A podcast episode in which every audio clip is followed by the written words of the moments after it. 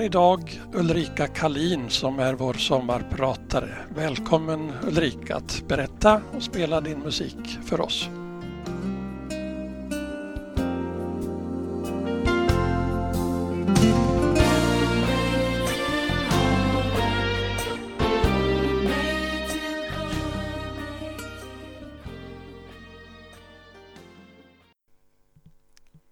Runt om i världen var krisen ett faktum.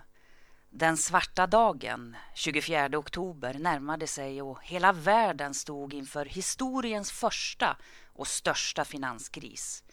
Det var depressionsåret 1929. Möjligen påverkade det också min farmor Karin som väntade sitt andra barn. Några år tidigare hade hon lovat Gud att gå ut som missionär och hjälpa utsatta människor i det som då kallades tredje världen och uländer. Men med äktenskapet och en man som inte ville gå Guds väg så blev Karin hemma i Kärrsjö. Förtvivlan kom över henne, ångesten att inte få gå den väg som hon var övertygad om att Gud hade stakat ut för henne. Hon kände sig som en svikare mot Gud och kunde inte göra något åt saken och den stora depressionen, inte den ekonomiska, utan den stora livskrisen drabbade henne. Nere vid bäcken var hon nästintill beredd att ta sitt liv. Men kärleken till det lilla barn som låg tryckt i magen, ovetande som depressionstider och ångest, blev större. Istället för att svika Gud ytterligare en gång så la hon händerna mjukt mot det lilla barnet i magen och gjorde istället ett förbund med Gud. Det lilla barn som jag bär och snart ska föda det överlåter jag till dig. Låt mitt barn få gå den väg som du hade tänkt om mig. Förbundet och bönen lugnade farmor Karin och inte så långt efter så var det dags för en eh, till ny medborgare att födas. 1929 blev året då de föddes. Anne Frank, ni vet hennes dagbok kom att bli världsberömd. Alf Enerström, vars historia om Levi Petrusen kom att läsas av många svenskar. Buske-Margit Jonsson som blev unik med sina valssånger och sin röst som kunde hålla jämna 440 hertz. Bo Strömstedt som blev en av de största kritikerna mot frikyrkorörelsen. Och så Max von Sydow, vilken skådespeleri kom att bli något unikt i hela världen. Ja, då föddes också Molle Lindberg som blev en av de mer kända kristna sångarna. Och sist, men inte minst, farmor Karins andra barn, Erik Gunnar Eriksson. Farmor Karin påminde envist Erik Gunnar om vad hon hade lovat Gud. Något som gjorde Erik Gunnar upprörd. Hur kunde hon, hans egen mor, ta ett beslut mot hans egen vilja? Innan han ens var född och påstå att han skulle bli evangelist, predikant och missionär. Aldrig skulle han bli en så kallad smörgåspredikant, beroende av allmosor. Nej, måttet var rågat och Erik Gunnars gudsuppror blev starkare och starkare. Bönemänniskan Karin fortsatte och bad för sin son. Erik Gunnar var tvungen att lyssna noggrant vid lagårdsdörren på Kärrsjögården och mamma höll på att be för honom där hon satt på pallen och mjölkade korna. Pallen stod precis där det idag står ett vitt runt bord med fyra stolar omkring. Om han hörde bönerna så vägrade han gå in i lagorn. Var hon tyst, då kunde han smita förbi men undvek att hamna i onödiga diskussioner om vad Gud eller han själv ville. Erik Gunnar började handla med hästar och fordon och ryktet om honom som en vilde det spred sig inte bara i byn utan i hela bygden. Man visste om hans vilda liv både i Kantsjö, Djuptjärn, Trehörningsjö, Nyliden, Hemling och Björna. Ja, förmodligen ända in i stan så spreds namnet på den ökände Erik Gunnar Eriksson. Samtidigt var det väckelse i bygden. Många kom till tro i Kärrsjö. Det stora visa, vita huset på Kärrsjögården blev samlingsplats för bygdens kristna och när det var stormöten på gång, då blev det på logen i ladan. Det var där, just på ett sånt väckelsemöte som Erik Gunnar klev in och drabbades av Guds kärlek. Där på logen, där jag fortfarande har ett kontorsrum när jag jobbar i Kärrsjö, så böjde han sina knän och blev frälst. Omvändelsen den var så total att Erik Gunnar gick bibelskolan i Örebro. Han ville ut och berätta om sin tro, inte bara i Sverige utan i hela världen. Farmor Karins förbund med Gud gick i uppfyllelse och många år av förböner förvandlades i bönesvar. Erik Gunnar Eriksson blev mannen som höll väckelsemöten i tält och predikade inte bara i Sverige, Brasilien, Kenya och Haiti utan också i många, många andra länder. Jag heter Ulrika Kalin och är hans yngsta dotter. Välkommen att följa med på min egen livsresa.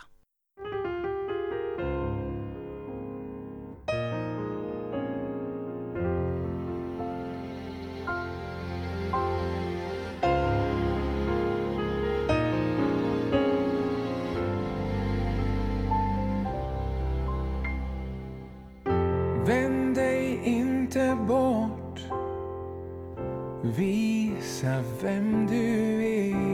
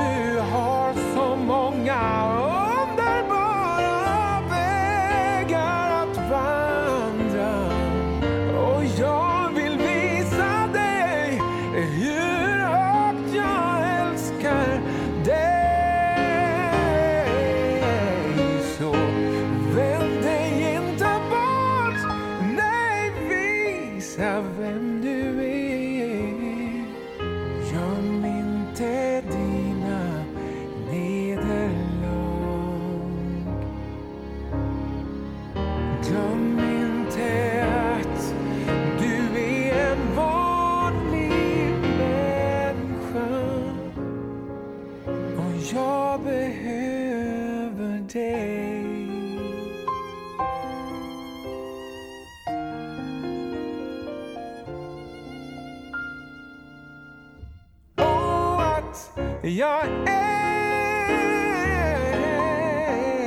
älskar dig.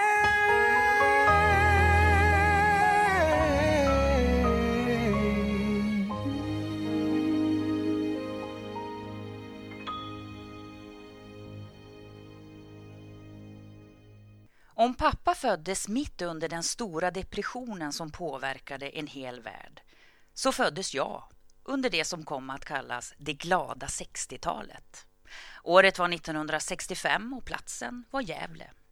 Pappa var som vanligt ute på möteskampanj. Mamma, som också hette Karin, hon var affärsbiträdet från Kantsjö som jobbade på lanthandeln i Gideå och hon kom att bli pappas stora livskamrat. Och för oss barn, vår fasta klippa. Det var mamma som alltid fanns vid vår sida. Nu var det min tur att se dagens ljus. Och när det var dags för födslovärkarna skickade hon bud till pappa som eh, förstås var på möten. Han ställdes inför det svåra valet att stanna kvar på möteskampanjen där en brinnande väckelse brutit ut eller åka hem till Gävle. Han stannade kvar. Det var ju så viktigt. Men han försökte hålla kontakt med hemmet och när han inte fick något svar så nådde han till slut BB-avdelningen i Gävle och fick beskedet att det tredje barnet som fick namnet Britt Ulrika, stavat med två L, nyss hade blivit född. Först dagen efter var han välkommen dit på ordinarie besökstid, sa barnmorskan lite bryskt. Det var ungefär som hon var lite sur på pappa att han inte varit med under förlossningen. Dagen efter så fick jag, alldeles nyfödd, träffa pappa för första gången. Efter bara tre månader så gick flyttlasset till Borlänge och där kom de närmaste 16 åren att forma mitt liv. Mamma, hon var lite av fiskarhustrun, ofta ensam med oss barn. Pappa var nästan aldrig hemma. Det var väckelsen och senare missionen som var i hans stora fokus. Men ändå så vill jag påstå att jag aldrig var ledsen för det. Pappa hade ju alltid presenter med sig hem, så komiskt nog var jag nästan glad varje gång han reste iväg på sina månadslånga missionsresor. Min uppväxt var ändå helt normal och jag stortrivdes i Bålänge. Massa pengar att röra oss med, det hade vi naturligtvis inte. Däremot minns jag att mina kompisar hade mycket av det som inte vi hade möjlighet till. Och därför gillar jag att sova över hos speciellt en av mina kompisar.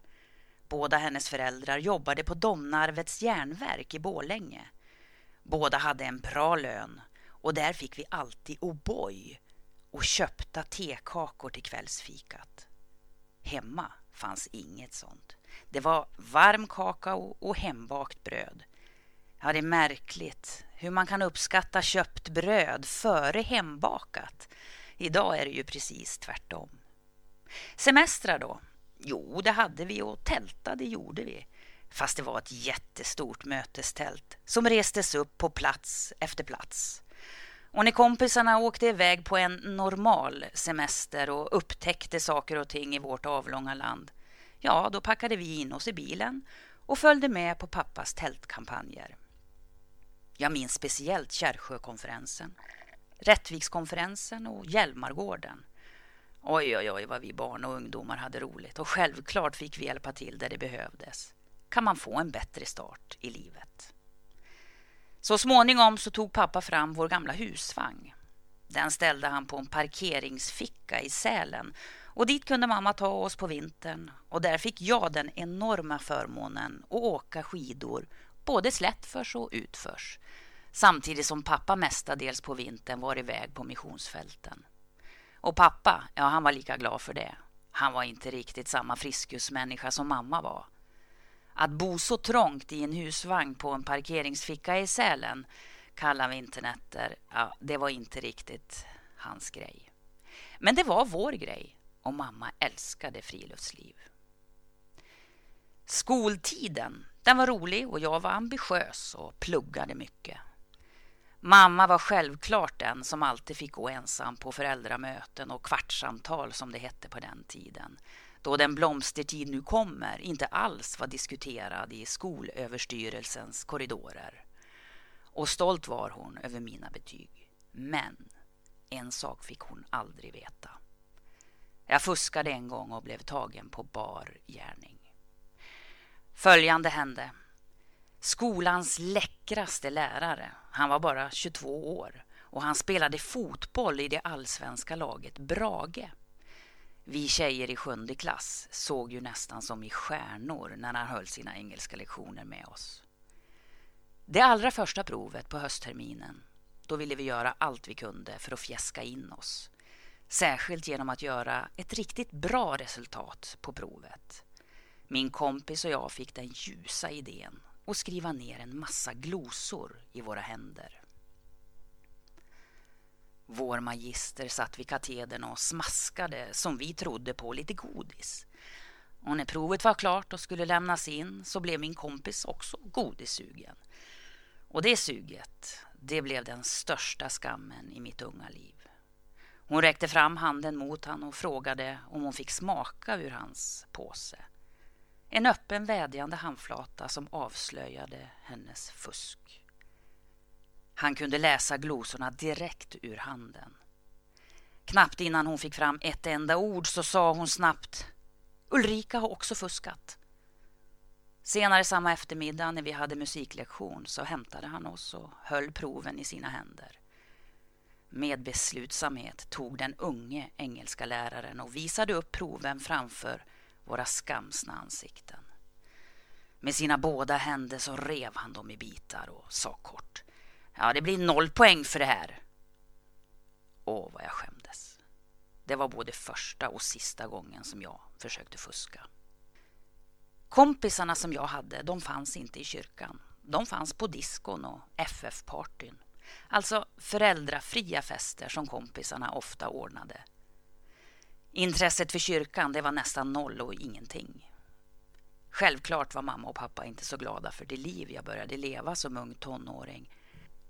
Men de anklagade mig aldrig, även om pappa vid något tillfälle markerade att han tyckte inte om det jag höll på med. Och tur var väl det kanske. Jag hade en väldigt nära relation med mamma och pappa trots allt och jag var aldrig rädd för att komma hem efter mina diskobesök. Jag tror att deras förhållningssätt var deras sätt att visa kärlek till sitt barn. Och naturligtvis så bad de för mig. Precis som farmor Karin bad för sina barn. Och det var nog bland annat det som senare kom att bli min räddning.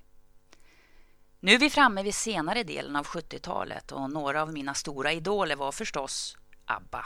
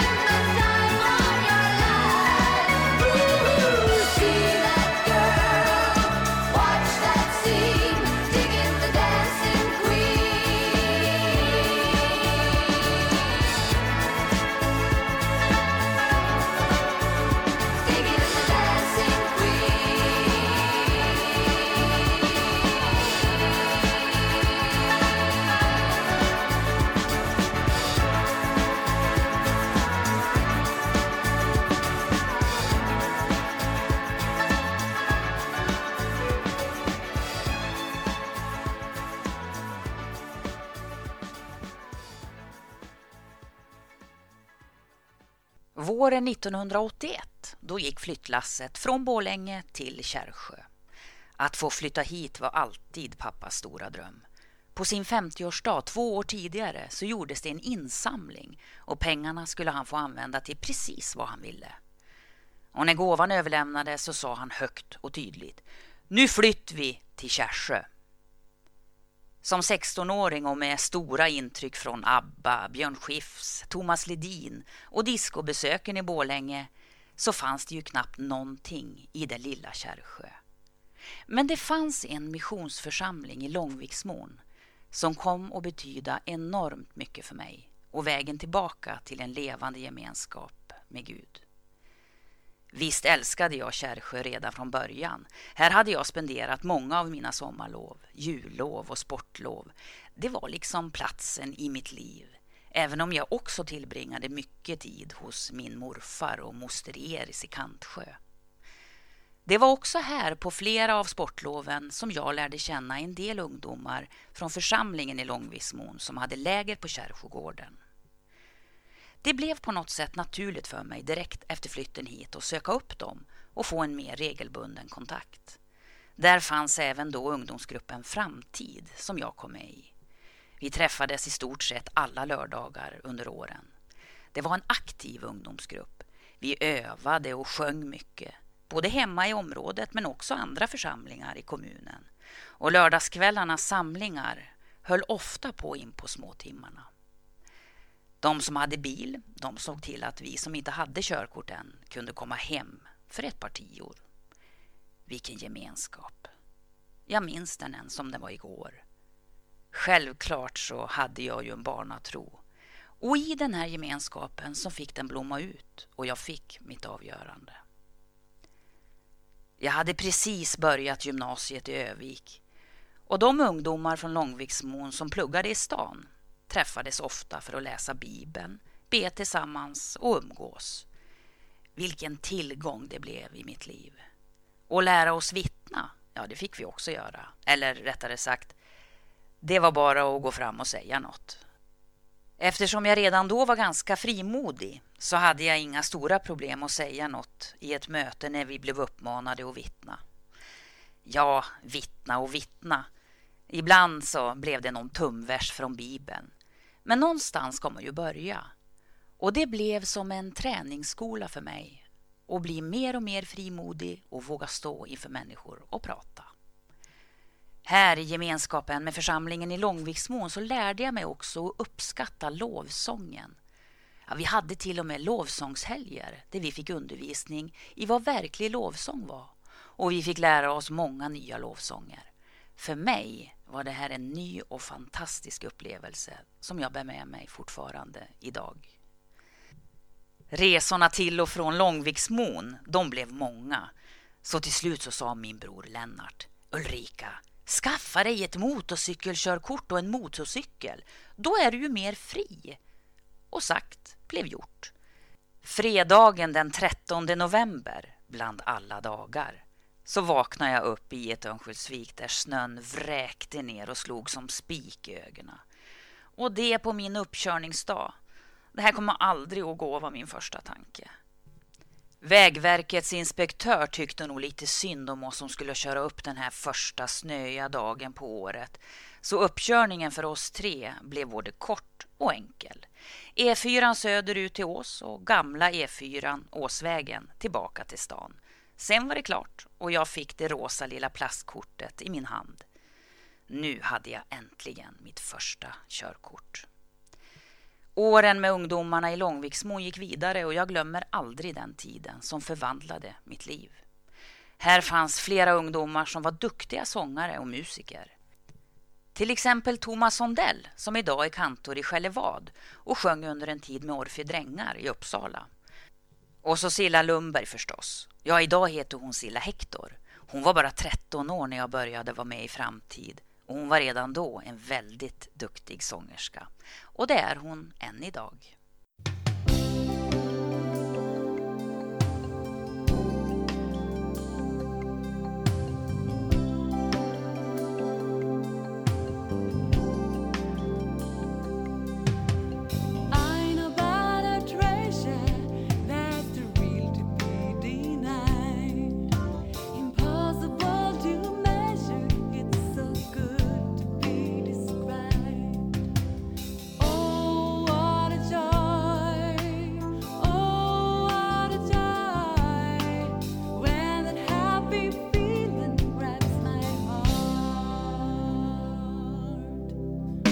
and it moves.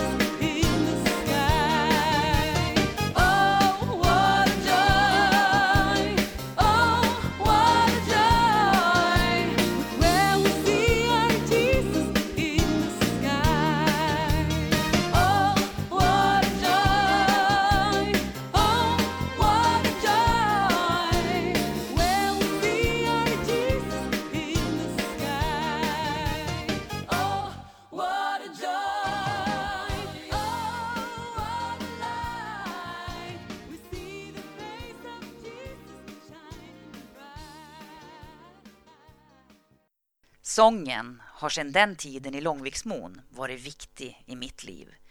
Ja, sedan dess har jag älskat att sjunga.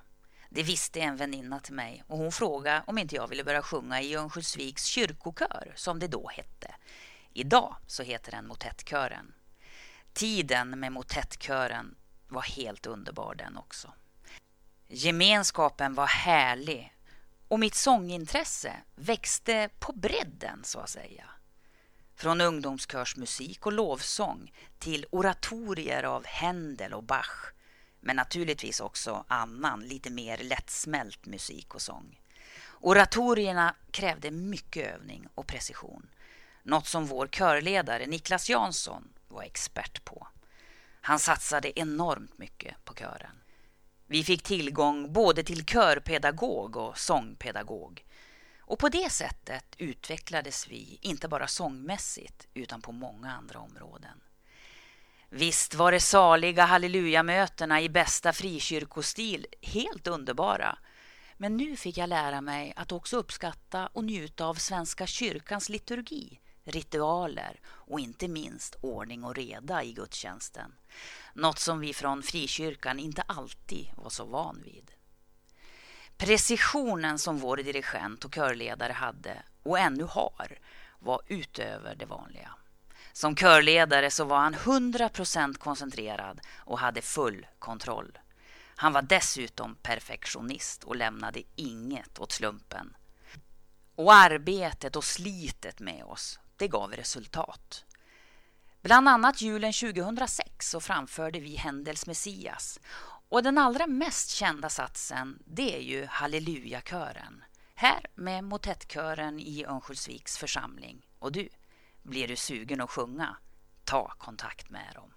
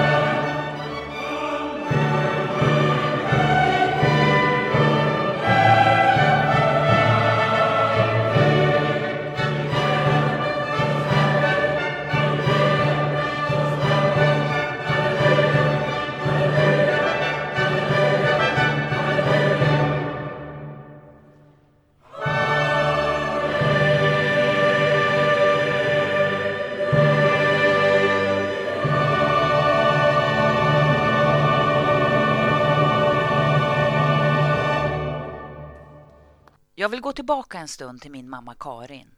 Vilken kvinna hon var. Pappa, han var ju nästan jämt ute och reste land och rike runt. Och när han var hemma så var det alla idéer som sprutade i hundra kilometer i timmen. Mamma, hon skötte markkontrollen i Houston medan pappa for iväg ut i den okända rymden. Hon var fullt medveten om pappas kallelse och blev den som fick ta det stora praktiska ansvaret, både med missionsverksamheten och i hemmet. Ja, hon skulle idag vara den moderna kvinnorörelsens stora skräck nummer ett. Hon skötte allt, från tapetsering och renovering i hemmet till att hålla ordning på pappas bristfälliga kunskaper i stavning och grammatik när månadsbreven skulle skrivas. Packa månadsbreven till gåvogivarna runt om i Sverige fick vi barn vara med och göra och arbetet med Tältmissionen och dess sociala gren Hoppets Stjärna fick vi växa upp med och det har jag haft den stora förmånen att arbeta med i hela mitt liv. För oss barn, och inte minst för mig, så var Karin både en mamma och en pappagestalt.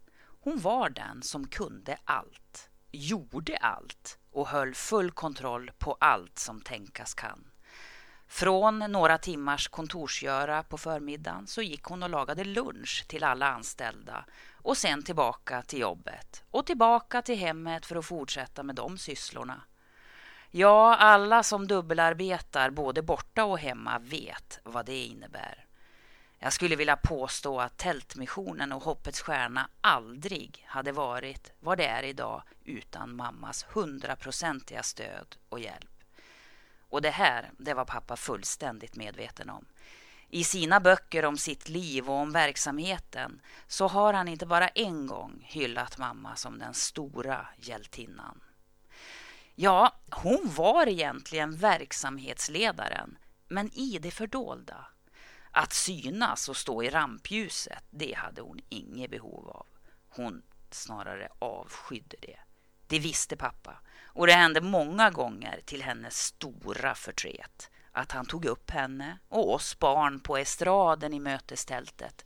Och vad hon sa till honom om det efter när mötet var över, ja, det får vi nog försöka lista ut själva.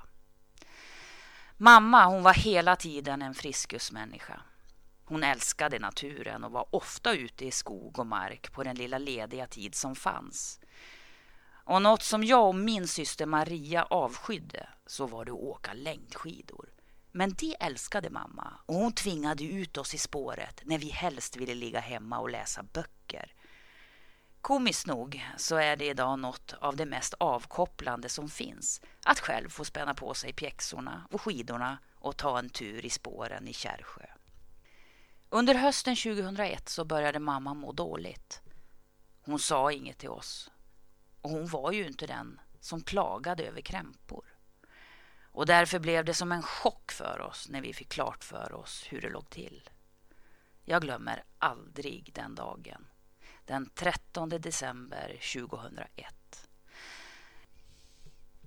Jag var i åttonde månaden och väntade mitt yngsta barn och var på väg till en kontroll.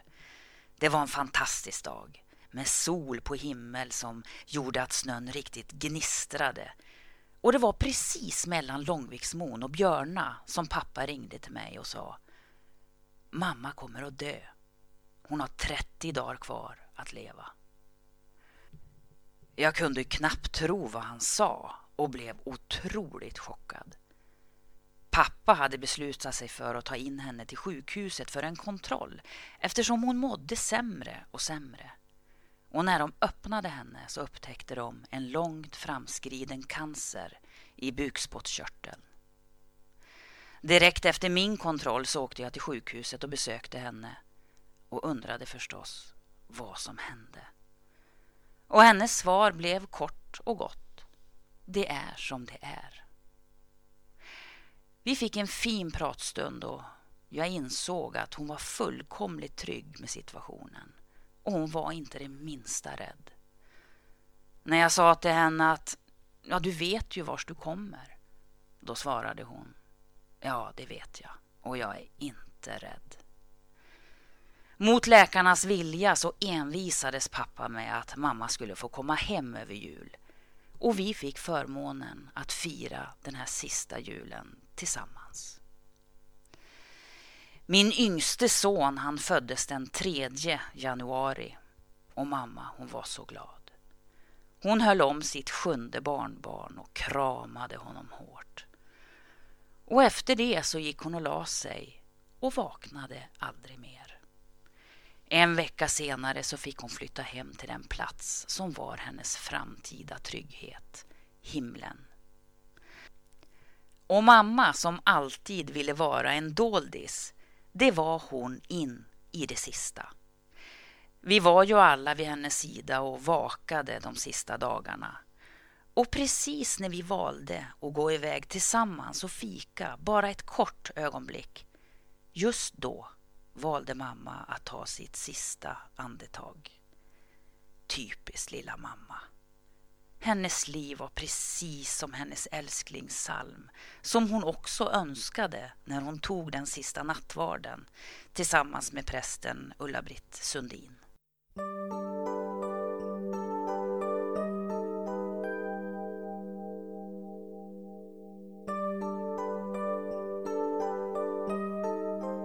Låt den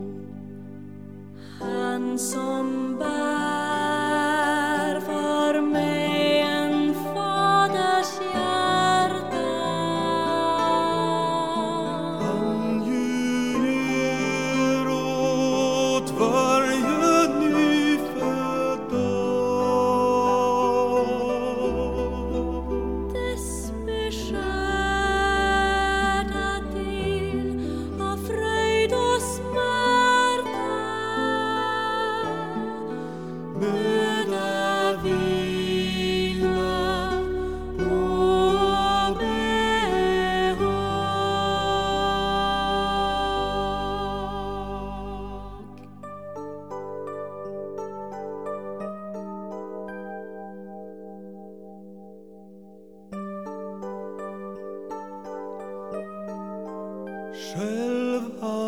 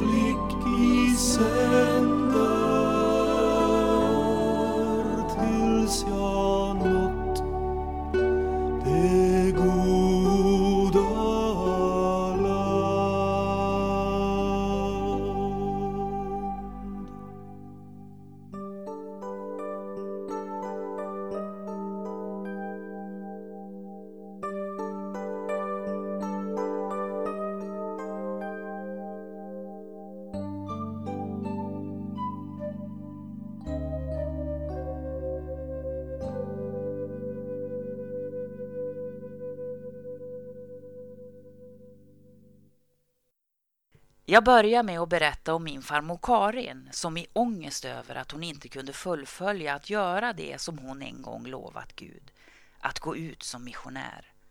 Och det var kärleken till sitt barn som gjorde att farmor Karin valde att gå vidare i livet istället för att ta sitt liv. Den kärleken har verkligen format mitt liv. Kärleken till mina barn och till andra människor. Själv har jag tre barn de är en gåva. Precis som min farmor kände det. Och som min kära lilla mamma förstås. Mina egna barn, Viktor, Oskar och Jakob. Ja, jag kan nog inte nog beskriva hur mycket jag älskar dem. Oavsett vad som har hänt under åren. Jag tror att en äkta kärlek, den kommer från Gud. Den överbryggar allt. Vi kan lära oss allt om uppfostran, teorier och skaffa oss all kunskap i världen. Men har vi inte kärleken så är det ingenting värt. Tänk vad Paulus hade rätt ändå i första Korintierbrevet 13, kärlekens lov.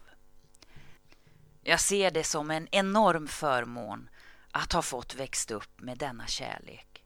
Och den vill jag alltid bevara. Inte bara när det gäller mina barn, trots deras svårigheter, misstag och prövningar. Kärleken måste nå till våra medmänniskor. Och det var det som pappa också brann för. På något sätt så har det smittat av sig. Ja, det ligger liksom latent i livet. Den kärlek som vi har fått från andra, den måste vi också sprida vidare. Och det vill jag med. Inte bara till barnen runt om i världen. Kärlek är något vi behöver. Den måste finnas om vi ska kunna utvecklas till något bra och meningsfullt i livet. Tack för att du funnits med mig den här timmen och jag önskar dig och alla andra en riktigt skön fortsättning på sommaren. Tack också till min tekniker Sten Lundin och min producent Hans-Göran Björk. Och själv heter jag Ulrika Kalin.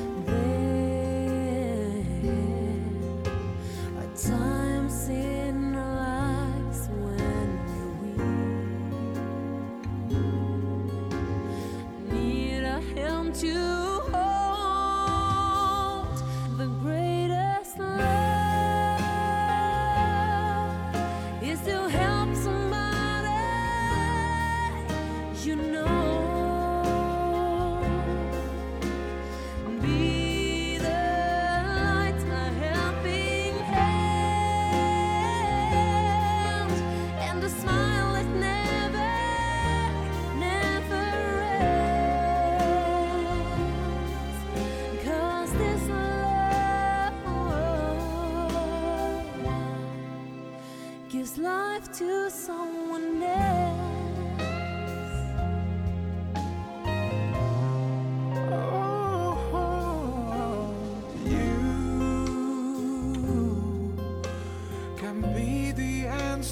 to somebody's prayer. Listen to your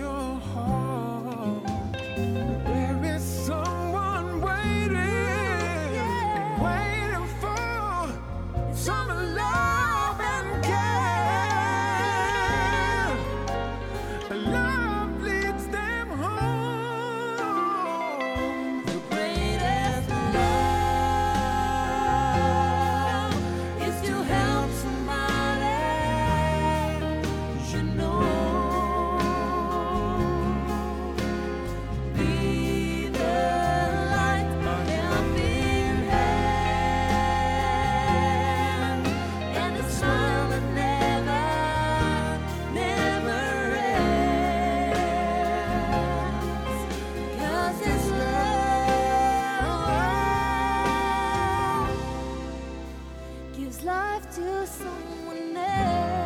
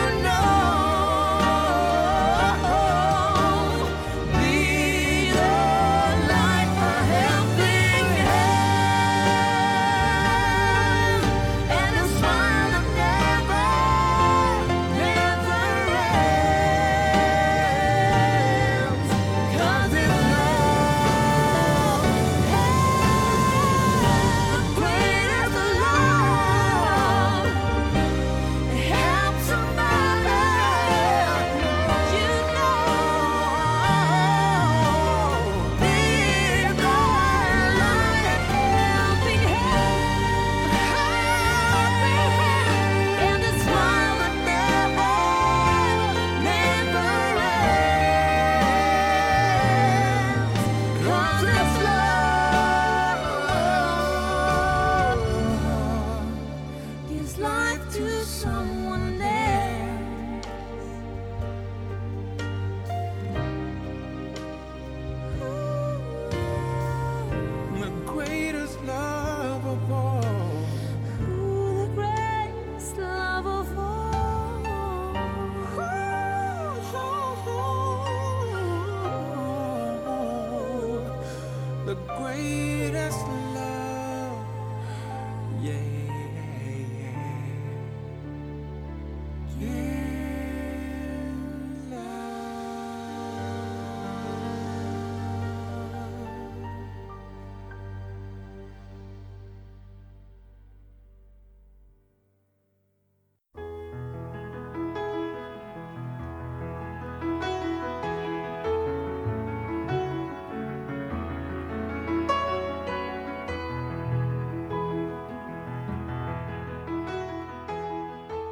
Du har lyssnat till programmet Sommarpratarna som sänds i Radio Örnsköldsvik 89,8 eller 105,7 MHz eller via internet på www.radioovik.se.